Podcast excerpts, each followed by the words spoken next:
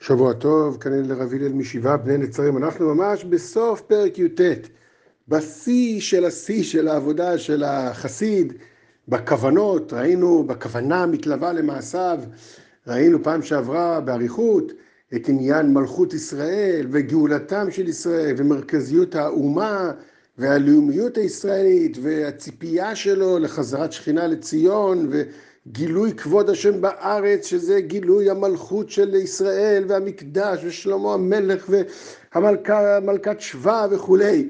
אבל עכשיו מגיע החלק הכי קשה, הוא אומר המשרד שרים, עוד עיקר שני, ויש דיוק מהרב צבי יהודה, כך שמעתי, אומר, על זה אומר עיקר, זה משהו מאוד עקרוני.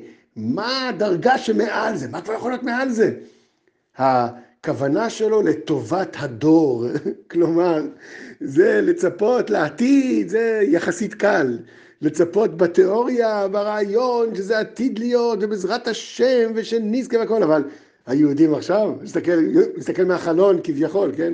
מסתכל מהחלון, רואה את כל החילונים האלה, ואת הדתיים, נו, איך קוראים לזה, אני יודע, אני לא אוהב את הסגנון הזה, אבל לצורך ה... שתבינו אותי, רואה דתי light, דתי רצף, זה, זה אלף, זה, אך, ירחם השם, אלה, בעתיד, בעזרת השם.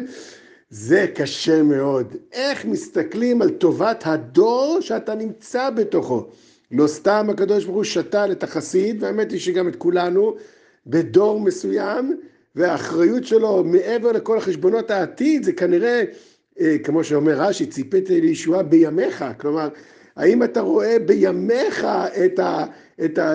לא, אני לקחתי קצת, הגזמתי, זה כאילו מדובר על ציפיית ישועה, על בניין המקדש, אבל הכוונה, האם אתה רואה את עם ישראל שבדור שלך, ואתה מסתכל עליהם ואומר, זה עם ישראל, זה בניו של הקדוש ברוך הוא, ושם השם מופיע בעולם, צריך להופיע, מופיע עכשיו דרך האומה, האנשים הספציפיים האלה, כן, אפשר להגיד האומה הישראלית, ואז אתה בורח מאחורי איזה כותרת, אבל אתה צריך להסתכל על עם ישראל, על ינקל, שמעון, יעקב, ג'רי, ג'אק, לא יודע מה, סבלטנה ו, ובוריס ו, ו, ולא יודע מה, ו, ו, ו, וכל אחד והעדות שלו, ולהגיד ולראות עם כל התסבוכת שהרבה פעמים האומה, האנשים המרכיבים את האומה הזאת בדור הזאת נמצאים, והוא צריך להסתכל על זה ולהיות אוהב ולהיות מלמד אה, זכות וסנגוריה ואכפת לו מהם ו, ו, ומתפלל עליהם אה, ב-18 הוא אומר סלח לנו, ואומר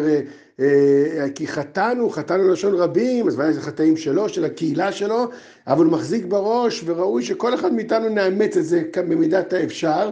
את, ה, את כל האנשים האלה שאולי אנחנו כועסים עליהם במשך היום אה, מכל מיני דברים שנעשים וכדומה, ובשעת התפילה צריך לכוון עליהם. זה מידותיו של חסיד, הוא לא חי בתיאוריות, הוא לא חי בעבר ובעתיד, הוא חי את הדור שהוא נמצא בו. הדוגמה של זה, אומר המסעד שרים, זה גדעון. מרתק מאוד הפסוקים בגדעון, כלומר במסגרת הזה קשה להרחיב, אבל התורה בעצמה, הנביא אומר מפורש, בני ישראל זועקים על מדיין שמתעללים בהם וכולי, אז הקדוש ברוך הוא שולח נביא, ואומר להם מאוד ברור, רבותיי, אני העליתי אתכם ממצרים, הוציא אתכם מבית עבדים, הצלתי אתכם ממצרים, עשיתי כל מה שאפשר, ואתם לא שומעים בקולי, אז מה אתם מצפים? בעיה שלכם, מה אתם רוצים ממני, כביכול. ואז יש את הפסוקים שבא מלאך השם אה, ומתראה לפני גדעון, וגדעון אומר לו, לא יאמן, הוא כאילו אומר לו, סליחה? אומר לו כאילו, מה זאת אומרת אתמול, רש"י והמדרש אומרים, הוא אומר גדעון למלאך, מה, מה אתמול שמעתי מאבא יציאת מצרים? איפה הניסים? איפה הניסים שקורים אה, פה? אז, אז אה, אומר, כולנו תמהים, מה, מה זאת אומרת? מה, המלאך הסביר לך בדיוק, הסביר לכולם, אתם עוברים על דבר השם, אתם לא מקשיבים לדבר השם, אתה, גדעון, אתה חי בסרט, אתה לא רואה את החטאים והעבודה זרה שעם ישראל נגוע בה, אתה לא רואה אה, בעיר שלך עצמה, אבא שלך והעיר שלך עצמה, שעובדים את הבעל, ויש מזבח ושור, ש, ש, כמה, לא זוכר כבר כמה, שבע שנים מגדלים אותו בשביל עבודה זרה, זה לא מעניין את גדעון. אומר המדרש, גדעון לימד סנגוריה על ישראל. ולכן המלאך אומר לו, הנביא, המלאך אומר לו, לך בכוחך זה והושעת את ישראל. זה נקודת הפתיחה, סנגוריה על ישראל. גדעון לא ראה את החטאים, הוא ראה. הדבר הראשון שהוא עושה אחרי זה, זה לצעוק ולהשמיד את המזבח, הוא לא פראייר, כמו שאומרים היום. זה לא שהוא אה, מחבק ומחייך ולא רואה את הרשעה וכולו רק חיוכים ואוי עם ישראל נפלא והכל טוב הכל טוב, לא ממש לא, זה לא קשור. העמדה הבסיסית שלו אבל היא סנגוריה על ישראל. קודם כל על מה מדובר, קודם כל האנשים האלה, הדור הזה יש לו חסרונות אבל זה עם ישראל, יש לו את האחריות המוטלת עליו, זה עמדה נפשית שהיא מאוד עמוקה ומאוד מאוד קשה להגיע אליה בשיא גובהה, כי כמעט תמיד אצלנו, כשמופיע הסנגוריה, אז אנחנו עוצמים את העיניים ולא רואים את הרישה, ואז יותר קל לראות את הסנגוריה. אבל אז אתה לא באמת אוהב את עם ישראל. מי שבאמת סנגור על עם ישראל, ואוהב את עם ישראל, ומשוכנע שבהם צריך להופיע סגולת ישראל, הוא הכי חריף ותקיף אחר כך. הוא יכתוב פשקווילים, והוא יחתום על עצומות, והוא יהיה נגד, והוא יהיה כל הזמן, וכולם יגידו, מה אין לך אהבת ישראל? הפוך, יש לו המון אהבת ישראל.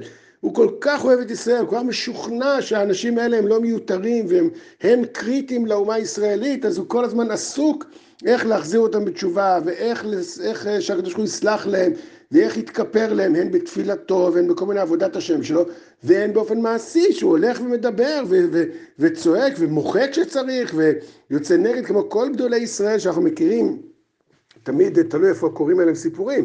אז תמיד קל לקרוא את הסיפורים, לקרוא את הסיפורים שבהם היו רק מחייכים ואוהבים ומחבקים. אבל כל גדולי ישראל, כשקוראים בדקדוק דברים שהם כותבים והכול, כשזה מגיע לרשעה, אותה אהבה היא, היא, היא אותה אהבה שגורמת גם למחאה גדולה מאוד, את אשר יואב יוכיח. מי שוותרן על השלילה, סביר להניח שהוא לא ממש אוהב. סליחה.